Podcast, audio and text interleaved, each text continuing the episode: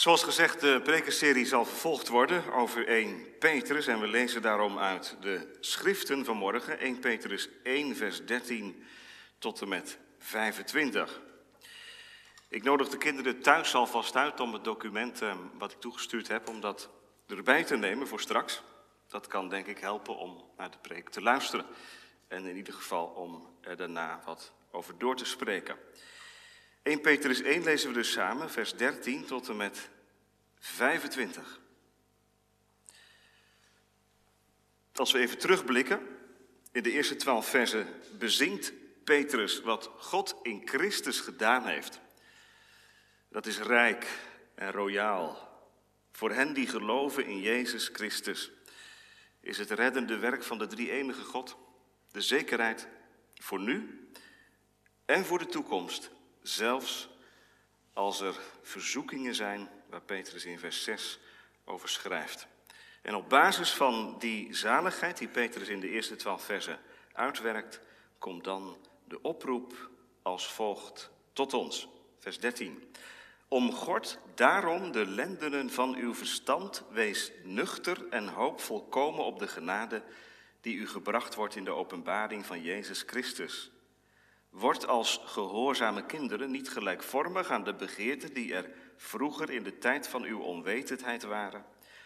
Maar zoals Hij die u geroepen heeft heilig is, word zo ook zelf heilig in heel uw levenswandel. Want er staat geschreven, wees heilig, want ik ben heilig. En als u hem als vader aanroept, die zonder aanzien des persoons naar ieders werk oordeelt, wandel dan in de vrezen des Heren gedurende de tijd van uw vreemdelingschap, in de wetenschap dat u niet met vergankelijke dingen, zilver of goud, vrijgekocht bent van uw zinloze levenswandel, die u door de vaderen overgeleverd is, maar met het kostbaar bloed van Christus, als van een smetteloos en onbevlekt lam. Hij is wel van tevoren gekend, voor de grondlegging van de wereld, maar in de laatste tijden geopenbaard omwille van u door hem gelooft u in God, die hem opgewekt heeft uit de doden en hem heerlijkheid gegeven heeft, zodat uw geloof en hoop op God gericht zijn. Nu u dan uw zielen gereinigd hebt in de gehoorzaamheid aan de waarheid, door de geest, tot ongeveinsde broederliefde, heb elkaar dan vurig lief uit een rein hart. U die opnieuw geboren bent, niet uit vergankelijk, maar uit onvergankelijk zaad, door het levende en eeuwig blijvende woord van God. Want alle vlees is als gras, en al de heerlijkheid van de mens is als een bloem in het gras. Het gras is verdord en zijn bloem is afgevallen, maar het woord van de Heere blijft tot in eeuwigheid. En dit is het woord dat onder u verkondigd is. Tot zover de schriftlezing. Na de verkondiging zingen wij Psalm 17, vers 3 en 8. Ik zet mijn treden in uw spoor, opdat mijn voet niet uit zou glijden, wil mij voor struikelen bevrijden. En het achtste vers. Psalm 17, vers 3 en 8 straks naar de preek. Tekst voor de verkondiging 1 Petrus 1, vers 13 tot en met 16. Omgord daarom de lendenen van uw verstand Wees nuchter en hoop volkomen op de genade die u gebracht wordt in de openbaring van Jezus Christus. Word als gehoorzame kinderen niet gelijkvormig aan de begeerten die er vroeger in de tijd van uw onwetendheid waren, maar zoals Hij die u geroepen heeft, heilig is, word zo ook zelf heilig in heel uw levenswandel. Want er staat geschreven, wees heilig, want ik ben heilig. Boven de preek staat geschreven gemeente hier en thuis, nuchter leven in crisistijd. Nuchter leven in crisistijd. En dat woordje nuchter komt natuurlijk uit de tekst. Wees nuchter, al heeft het wel een wat andere uh, gevoelswaarde, andere lading, denk ik, als wij nu uh, denken. Nuchter leven in crisistijd, twee gedachten daarbij. Allereerst, hoe doe je dat dan? In waakzame hoop. Vers 13 heeft het over de hoop. Hoop volkomen op de genade. En die hoop is een waakzame hoop. Want Peter zegt, omgord de lendenen van je verstand en wees nuchter. Dus even voor de helderheid. De kern van vers 13 is het woordje hopen. En hoe doe je dat dan? Hoe moet dat dan? Door je lendenen van het verstand te omgorden en door nuchter te zijn. Zo hopen op de genade die u gebracht wordt. En dan in de tweede plaats in gehoorzame navolging. En dat is vers 14 en 15 en 16. Wordt als gehoorzame kinderen niet gelijkvormig aan de begeerten van vroeger, maar wordt heilig in heel uw levenswandel. Dus nuchter leven in crisistijd, in waakzame hoop, vers 13, in gehoorzame navolging, 14 tot en met 16. Allereerst in waakzame hoop. Gemeente, het is een ingewikkelde tijd. Voor degenen aan wie Petrus schrijft. Ingewikkeld. Althans, dat kun je wel voorstellen, toch? Vreemdelingen die verstrooid zijn, vers 1 van hoofdstuk 1, die uitgezworven zijn, die niet meer bij elkaar kunnen komen door de verdrukking opgejaagd zijn door vijanden. En deze mensen schrijft Petrus een brief. Het is een ingewikkelde tijd. Crisistijd. Zo kun je het wel noemen, denk ik. De tijd waarin Petrus deze brief schrijft. Is deze tijd ook crisistijd? Ja, maar ik haast mij om te zeggen dat dat, als we het vergelijken met de tijd waarin de christenen toen leven en, leefden en waarin veel broeders en zusters vandaag de dag leven, ja, laten we eerlijk zijn en laten we dan nuchter zijn. Met alle ellende en met alle narigheid dan moeten we misschien ook wel wat relativeren. Vindt u ook niet? Ik zou u willen aanmoedigen om in deze tijd veel getuigenissen te lezen. En de blaadjes zijn er te over, en op internet zijn ze ook te vinden, van broeders en zusters die niet alleen met corona te dealen hebben, maar met veel heftiger vervolgingen en crisissen dan wij. Dat is spiegelend. Zo is ook deze brief spiegelend.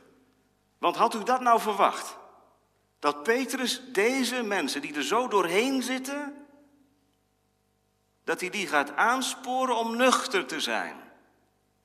Had hij niet wat pastoraler kunnen zeggen? Ik heb met je te doen. Het zal ook wel heel moeilijk zijn voor jullie. Wat is het toch een moeilijke tijd? En wat hebben jullie toch veel narigheid? Het is de eerste oproep in 1 Petrus en de eerste oproep is deze: om God de lendenen van uw verstand, wees nuchter en hoop volkomen op de genade. Gemeente, en ik denk dat we dat nodig hebben, ook vandaag. Geen pep talk, geen cretologie. Maar deze gelovige, nuchtere wijsheid van de schrift, ook in de gemeente. Geen grote woorden, maar bijbelse wijsheid. Nuchterheid, die past bij een heilig leven. Want daar wil Petrus naartoe in deze brief. Naar dat heilige leven. En wat is heilig leven? Bij heilig leven denken wij al heel snel aan een bepaalde morele volmaaktheid. Hè? Als je heilig bent, dan doe je geen zonde meer, toch, jongens? Heilig is zonder zonde zijn. Ja, maar dat is niet de lading van het woord heilig, wat Petrus straks in vers 15 en 16 zal gebruiken. Wat is heilig dan wel? Heilig is afgezonderd zijn.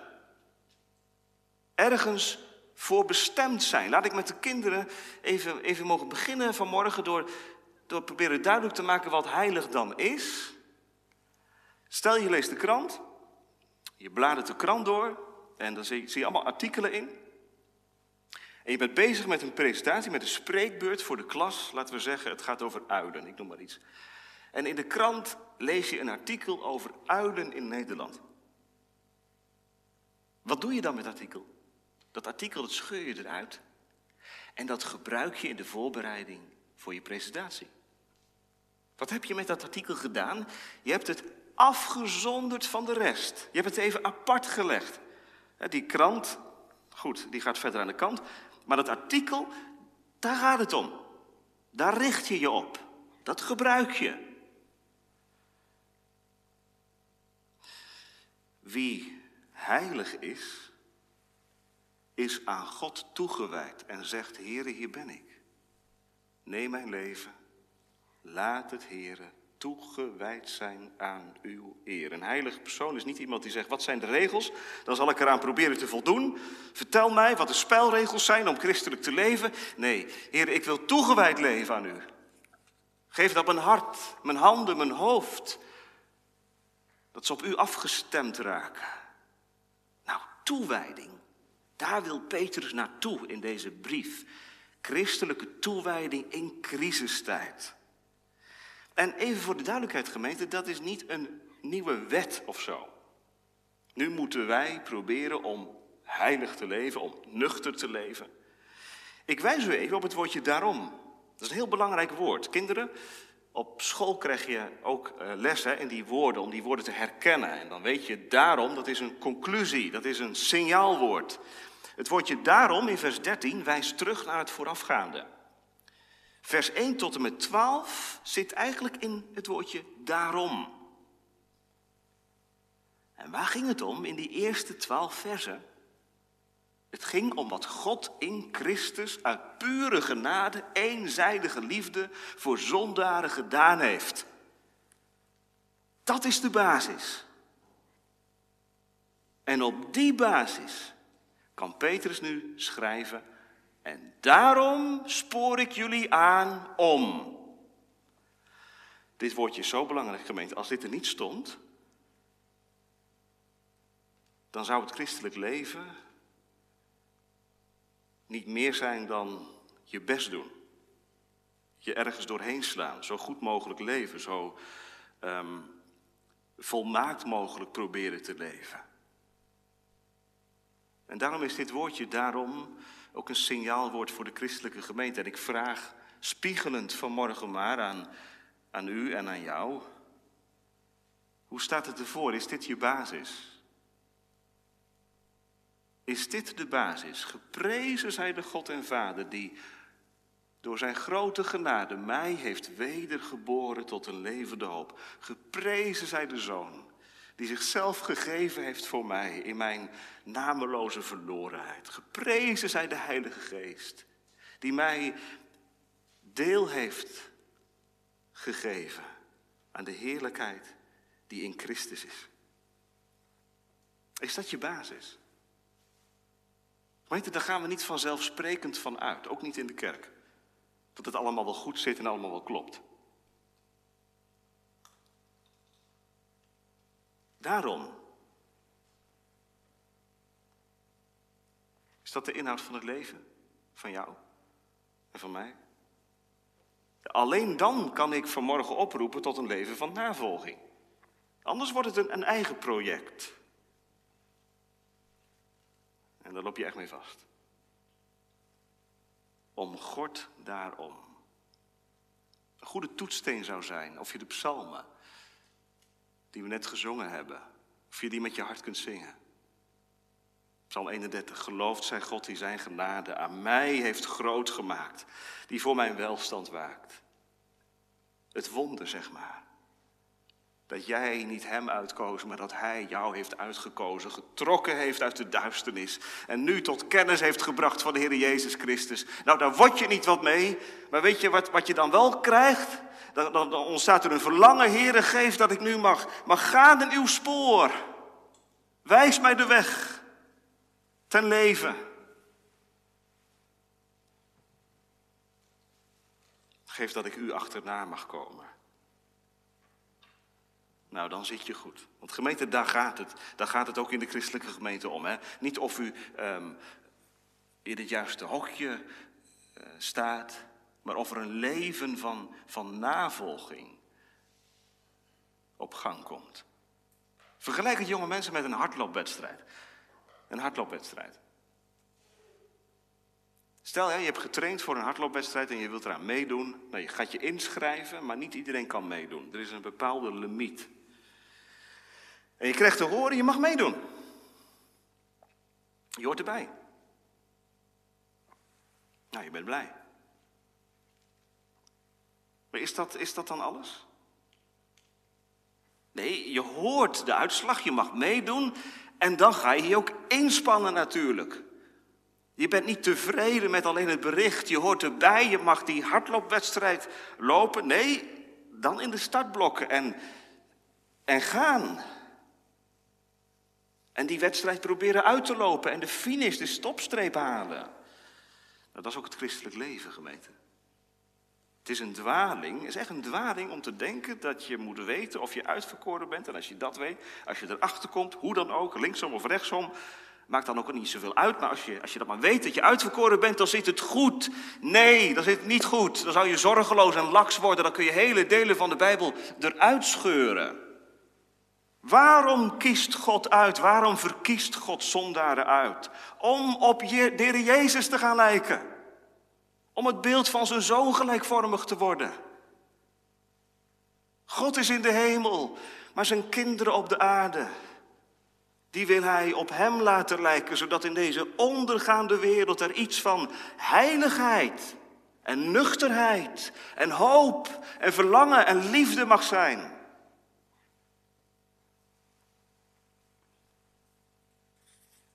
Johannes zal laten schrijven.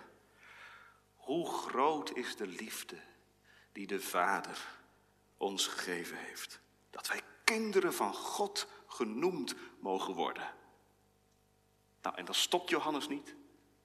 Maar dan schrijft hij verder. Nu zijn wij kinderen van God en het is nog niet geopenbaard wat wij zijn zullen.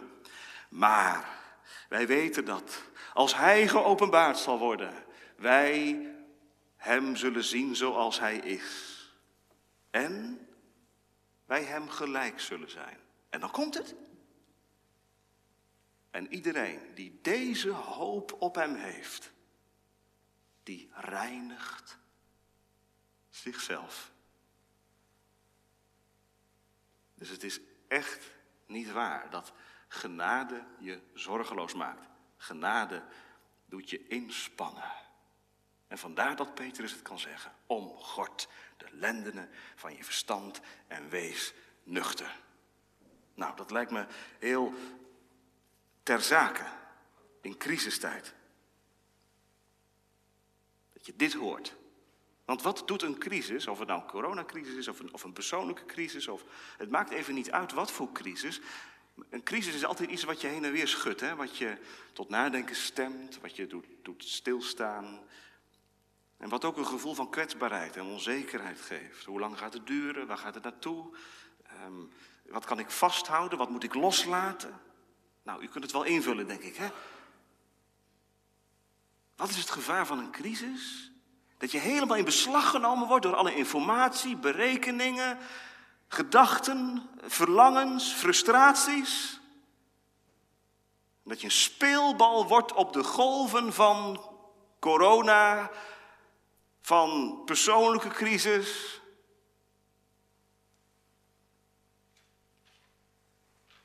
Omgord de lendenen van je verstand.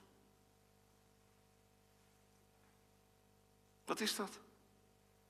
Nou, kinderen, denk maar, dat is een, het is een beeld, hè? denk maar even aan de uh, mensen van duizenden jaren geleden, die liepen in van die mantels, die lange mantels.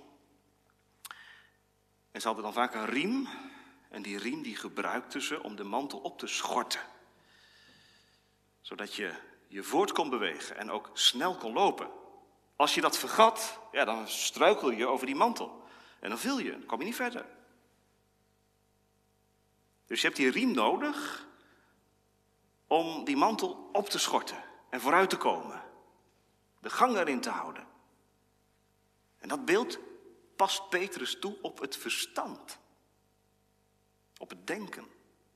Om God, broeders en zusters in die vijf gemeenten in de verstrooiing. Om God de lendenen van je verstand. Weet u dat de Heer Jezus dat beeld ook gebruikt heeft? In de gelijkenis, Lucas 12.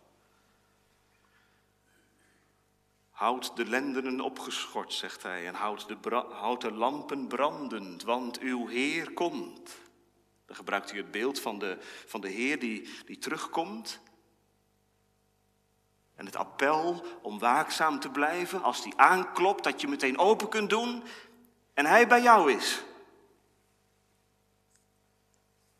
Ik vind het trouwens wel mooi gemeente dat uitgerekend Petrus dit zegt. De man van de actie, de man van de daad. Hij zegt, omgort de lendenen van je verstand. Dus begin met denken, niet met actie, met doen. Denken. En dan nog even gemeente. Ik moest ook denken aan Exodus 12. Aan de uittocht van het volk van Israël. Hoe moesten ze dat doen, kinderen? Ze moesten met haast het paascha eten en ervoor zorgen dat hun mantels opgeschort waren.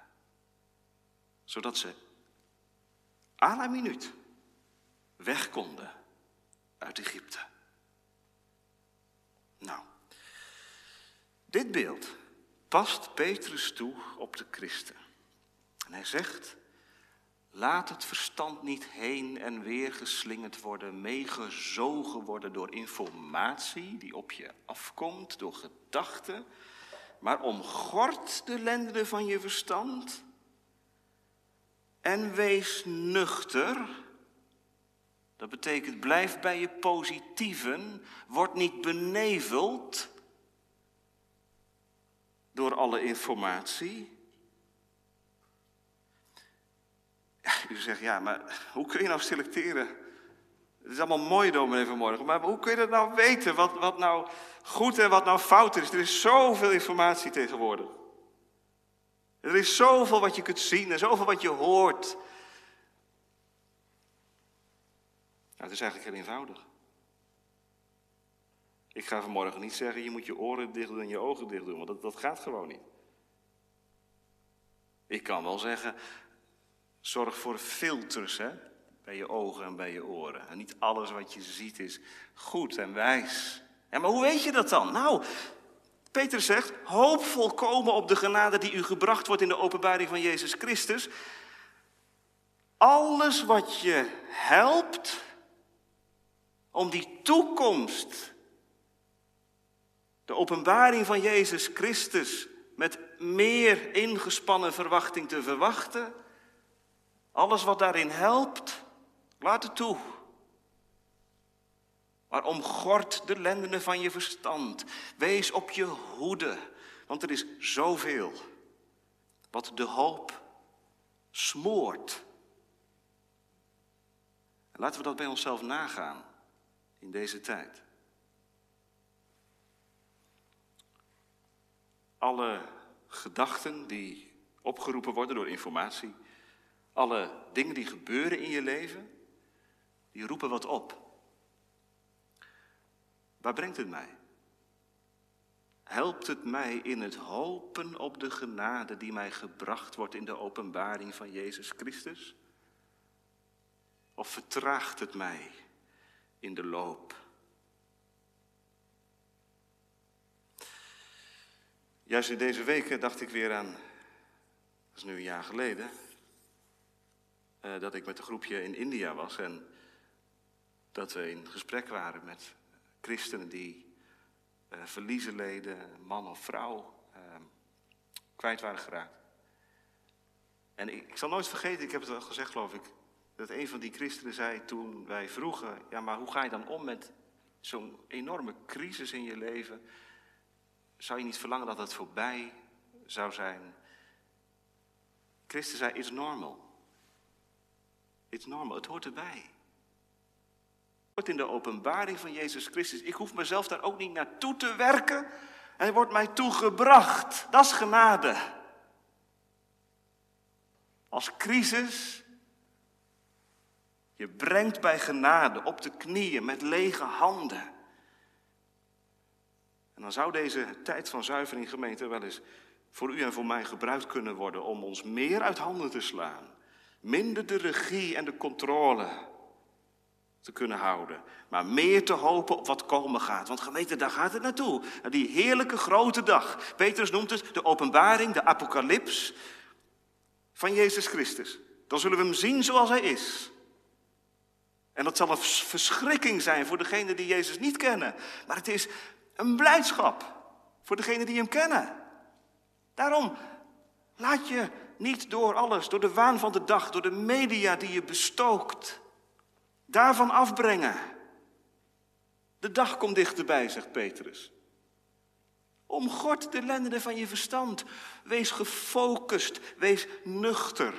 Wees bij je positieve.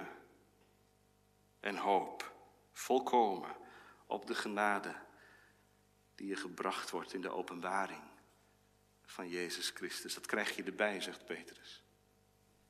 Als je door Hem opgezocht bent, uitverkoren, opnieuw geboren, tot een levende hoop, dan is dit wat je krijgt.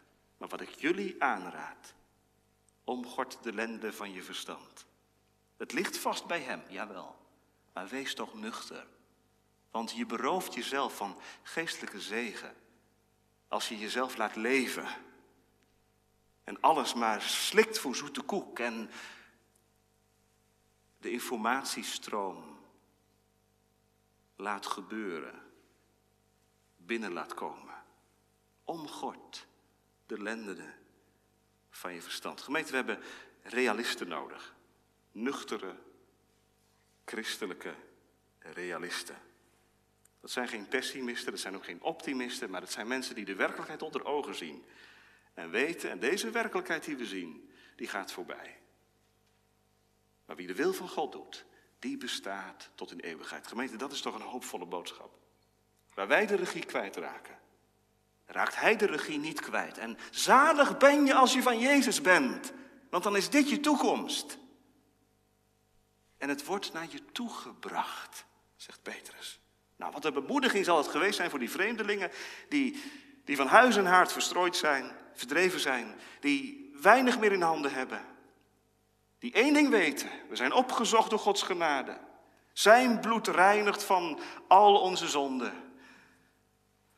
En de verzoekingen zijn vele en ze leveren veel bitterheid en droefenis op. Maar het gaat voorbij.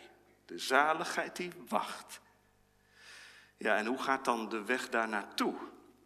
Dat is eigenlijk vers 14 tot en met 16. Hè? Kijk, die waakzame hoop, dat is wat Petrus schetst in vers 13. En dan de gehoorzame navolging, dat staat in vers 14 tot en met 16.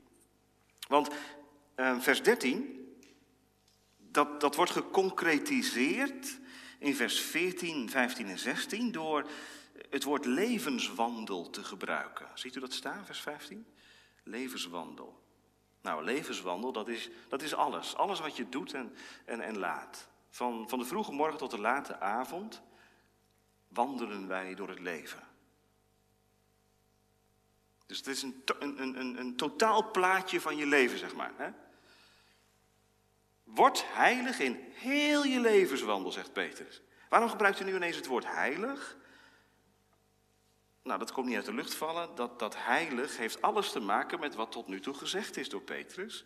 Eh, nuchter zijn, de lendenen van je verstand omgorden en hopen, dat is het heilige leven wat Petrus bedoelt. Nog even terug naar het voorbeeld van dat artikel over de uilen in de krant. Wat je scheurt uit de krant, wat weggelegd wordt, wat gebruikt wordt voor een bepaald doel. Zo is het ook, zegt Petrus, bij ieder die van Christus is, die is toegewijd, bestemd om voor Hem te leven, heilig te leven. En dat betekent twee dingen, zegt Petrus. Twee dingen. Het betekent allereerst dat je iets niet moet doen. Wat dan? Word als gehoorzame kinderen niet gelijkvormig aan de begeerten die er vroeger in de tijd van uw onwetendheid waren. Dat is het negatieve. Maar je moet iets ook wel doen, zegt Petrus. Namelijk, zoals hij die u geroepen heeft heilig is, word heilig. En dan wijs ik u eventjes op die twee imperatieven. Word niet gelijkvormig en word heilig. Kinderen, is er wel eens een, een uh, iemand geweest tegen jou die gezegd heeft: word groter. Of word sterker. Nou, als je vader dat tegen je zegt, dan ga je lachen, denk je, ja, word sterker. Hoezo? Hoe, moet dat dan? Dat, dat, dat kunnen we eigenlijk niet, hè? Nou, dat is ook weer niet helemaal waar. Als je nooit iets aan lichaamsbeweging doet, ja, daar word je niet veel vitaler van natuurlijk. Hè? Begrijpt u dit, dit, deze imperatief? Word niet gelijkvormig en word heilig is een passieve imperatief, een passief bevel. Het zegt dus twee dingen. Je bent verantwoordelijk voor wat je doet en niet doet. En je bent aangewezen op een krachtbron van buiten. Onthouden. Je bent verantwoordelijk voor je levenswandel. Van de vroege morgen tot de late avond. En je bent in die levenswandel, in die heilige levenswandel, aangewezen op een krachtbron van buiten. Nou, laten we dat nou eens tot slot met elkaar bekijken. Wat, wat betekent dat dan concreet? Word, allereerst dat negatieve, word als gehoorzame kinderen niet gelijkvormig aan de begeerten die er vroeger in de tijd van uw onwetendheid waren. Word als gehoorzame kinderen. Zo spreekt Petrus de christenen in die gemeenten aan. Jullie zijn gehoorzame kinderen. Dat zijn jullie. Dat is jullie status. Jullie zijn niet meer de rebellen van vroeger. Jullie zijn niet meer de verlorenen die in de duisternis leven. Jullie zijn de gevondenen, de kinderen van God, de gehoorzame kinderen van God. We mogen iemand die beleidt christen te zijn dan ook houden voor een gehoorzaam kind van God. Naar het oordeel van de liefde. Zo spreekt Petrus hen aan en zo spreekt vanmorgen het woord allen aan die van Christus zijn. U bent een gehoorzaam kind. Ja, weet Petrus dan niet dat gehoorzame kinderen ook ongehoorzaam kunnen zijn? Jawel, zeker wel. Kijk maar. Word als gehoorzame kinderen niet gelijkvormig aan de begeerten die er vroeger in de tijd van uw onwetendheid waren. Petrus heeft het hier over een vroeger. Jonge mensen, ieder die in de Heer Jezus gaat geloven, heeft een verleden en een heden. En bij de een is dat heel, heel radicaal gegaan, dat kan. Dat je bij wijze van spreken de dag zelfs kunt aanwijzen waarop het veranderde. In het merendeel van de gevallen gaat het geleidelijker. En toch kun je ook dan spreken, denk ik, van een vroeger. Vroeger leefde je veel minder betrokken op het woord. Veel minder doordrongen van de ernst en van de rijkdom van het woord. Herken je dat? Al luisterend moet je even spiegelen hè, vanmorgen. Ik hoop ook dat u dat doet tijdens de preek. Is dat nou bij mij ook zo? Herken ik dat? Is er een eertijd, zoals Paulus ergens anders zegt, en een heden? Word als gehoorzame kinderen niet gelijkvormig aan de begeerten die er vroeger en dan zegt Petrus er nog iets bij. In de tijd van je onwetendheid waren. Nou, dat vind ik wel een hele mooie naar de jongeren toe. Vooral degenen die studeren. Want er zijn vast ehm, eh, vrienden, studenten, medestudenten die zeggen: Christenen, als je christen wordt, dan ben je echt dom. Kijk, atheïsten die denken tenminste na. Maar christenen denken niet na, die geloven alleen maar.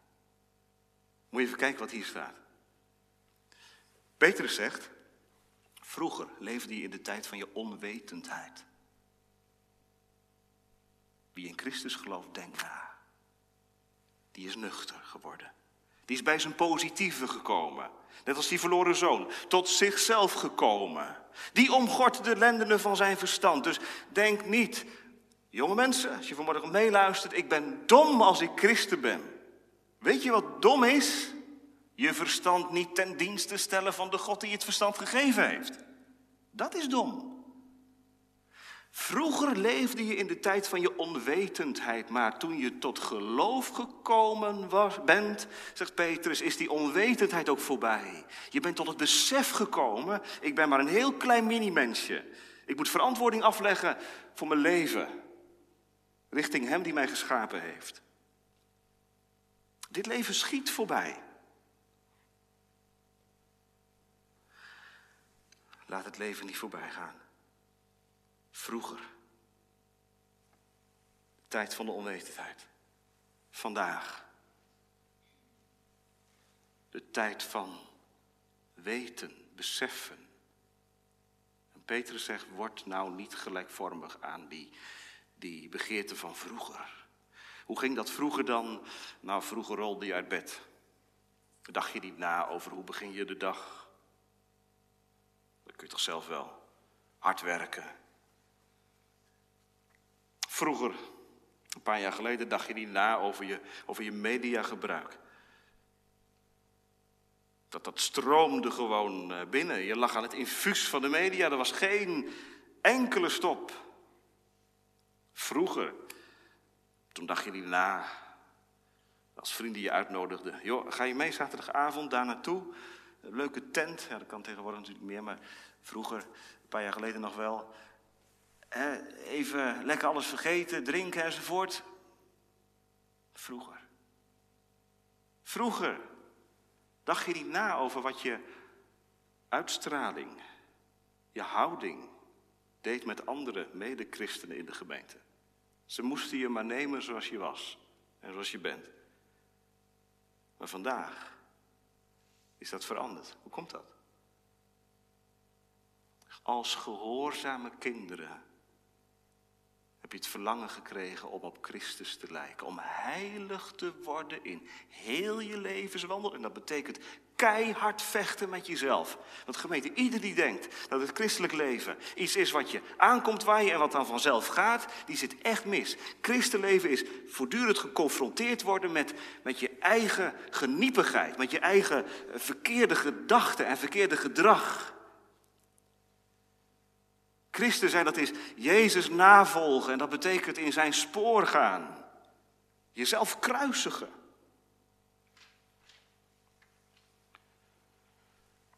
Het woord gelijkvormig, in het Grieks staat daar een woord waar ons woord schema vandaan komt. Wordt als gehoorzame kinderen niet gelijk aan het schema van vroeger. Kun je het schema van vroeger nog bovenhalen? Toen je de Heer Jezus nog niet kende? Wat was toen je schema? Nou, op zondag rolde je de kerk binnen. En je ging twee keer. En je las wel uit de Bijbel. En je bad wel. Maar eigenlijk was je leven vooral gedragen door jezelf. Je eigen ego was belangrijker dan, heren, wat wilt u dat ik doen zou? Kijk, dat is dat, is dat vroegere waar Petrus het over heeft. En blijkbaar is dat zo'n machtgemeente, zo'n kracht, dat dat nog steeds weer opspeelt. In het leven van een kind van God is dat vroeger niet voorbij in de zin van dat je er geen last meer van hebt. Die begeerten, die verkeerde verlangens, die verkeerde idealen, die verkeerde gedachten, die zijn er nog steeds. Maar Peter zegt, word er nou niet gelijkvormig aan. Conformeer je er niet aan, maar vecht er tegen. Dat is heilig leven. Dat is gehoorzaam navolgen als je ook jezelf leert kruisigen. De catechismus noemt dat de oude mens laten afsterven. Dat is een hard proces, pijnlijk ook. Word als gehoorzame kinderen niet gelijkvormig aan de reflexen van vroeger. Je zat achter je scherm, je zit achter je scherm en je laat je gewoon gaan want niemand die het ziet. Je komt thuis als man na een drukke dag. Je bent moe. En jij bent het middelpunt van je gezin. De rest moet maar gewoon zich voegen naar je grillen. Word als gehoorzaam. Gaat het ook over christenleven dan? Hoe ik mezelf opstel als man? En ja, natuurlijk gaat dat erover. Ik zou haar zeggen, daar begint het. In hoofdstuk 3 gaat het over de vrouw en over de mannen. Hoe ze zich dienen te gedragen. Je, christen zijn is niet iets, iets vaags, maar het is heel concreet. Omgang met anderen, huisgenoten, gemeenteleden. Word niet gelijkvormig aan de begeerten die er vroeger in de tijd van je onwetendheid waren.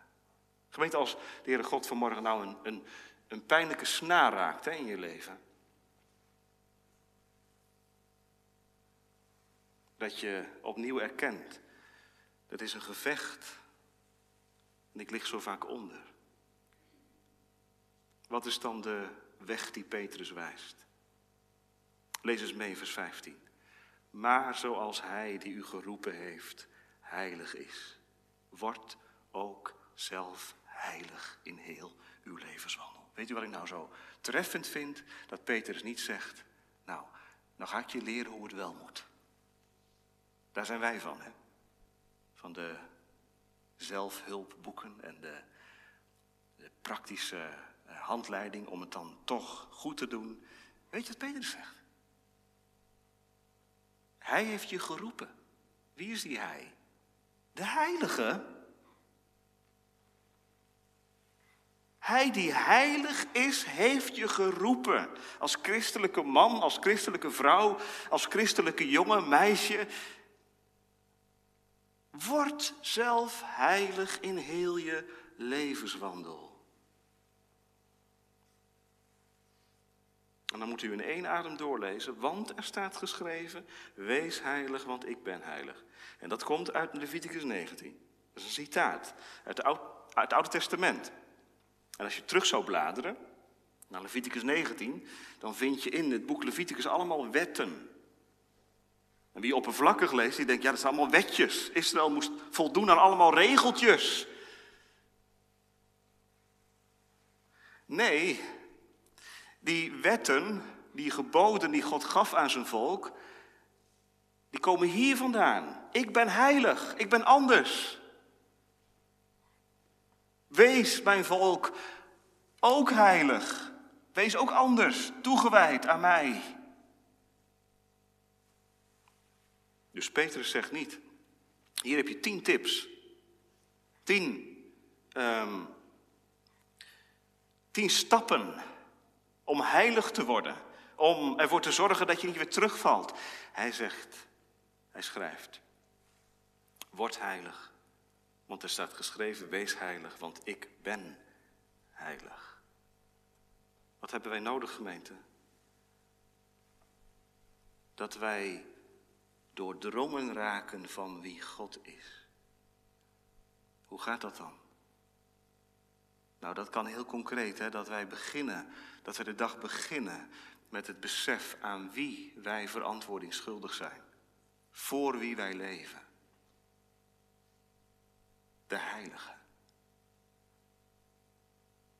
Zullen we daar gewoon eens mee beginnen, gemeente? Iedere dag een paar minuten even bedenken, bedenken, wees nuchter, om God de lenden van je verstand, met wie God is. Wees heilig, want ik ben heilig. Die God die wil dat mijn leven iets reflecteert van wie Hij is. Dat die oude patronen, die karakterzonden, die verkeerde begeerten, die impulsen sterven. Meer en meer. Wanneer ik besef en bedenk hij is heilig. Hij is anders. Geen regeltjes dus. Maar het anders zijn van God, dat krijgt u vanmorgen mee. In crisistijd. Nuchter leven in crisistijd. Dat is niet de grip proberen te krijgen op je leven. Maar het is voor het aangezicht van God door de knieën. Heere God, u hebt mij geroepen. U bent heilig. En u hebt uw geest gegeven die in mij werkt om heilig te leven.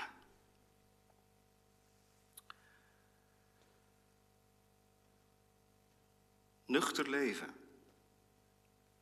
Niet je verstand op slot zetten. Je verstand gebruiken maar dan op deze manier. Ten dienste aan een heilige levenswandel. En gemeente, als hij geroepen heeft, als hij je geroepen heeft uit de duisternis tot zijn wonderbaar licht, zou hij dan ook niet willen geven wat je nodig hebt om die dag als man, als vrouw, als jongen, als meisje in een eh, omgeving waarin zoveel aanvallen gedaan worden op je innerlijk heilig te leven. Gemeente, we hebben geen God die ons laat aantobben en aan laat dobberen. Het is de God die nota bene tegen zijn eigen volk zegt, wees heilig. En hij weet wel dat zijn volk onvolmaakt is. Dat weet hij wel. Hij weet wat van zijn maaksel is te wachten. En toch zegt hij het vanmorgen. Wees heilig, want ik ben heilig. Voeg je maar onder mij. Nader tot mij. Leg je hart open. Spreek het uit. Wees heilig, want ik ben heilig. Gemeente, in die verborgen omgang met God gaat er iets gebeuren. Werkelijk waar. Petrus, ja, die, die stuurt ons eigenlijk terug, hè. Naar dat uh, verborgen leven met, met de Heer. Waar deze tijd vol is van allerlei effecten, waardoor wij buiten onszelf gaan leven. Horen wij vandaag, wees heilig, want ik ben heilig. Waar leer je dat? voor het aangezicht van God. Met gevouwen handen. Dus gemeente, niet erop uit. Maar laten we de, die terugtrekkende beweging maar maken. Zoals onze broeders en zusters dat ook doen. Vandaag de dag. Als er hier en daar weer mensen vermoord worden en gemarteld worden. Niet de barricades op, nee. Maar de huizen in, de gezinnen in en de handen vouwen. Heer Jezus, leer mij u na te volgen. Heere God, geef dat uw heiligheid mag reflecteren in mijn leven en dat anderen proeven. Ik zet mijn treden in uw spoor, opdat mijn voet niet uit zou glijden. Niet parmantig, maar biddend wil mij voor struikelen bevrijden. Dat is volgens Psalm 17 de weg die eindigt bij dat blij vooruitzicht. Wandel je mee? Met vallen en opstaan, jawel. Maar toch met zekere tred. Want dat blij vooruitzicht, de genade die gebracht wordt in de openbaring van Jezus Christus, komt eraan. Wat zal het zijn? Om Hem te zien zoals Hij is. Amen.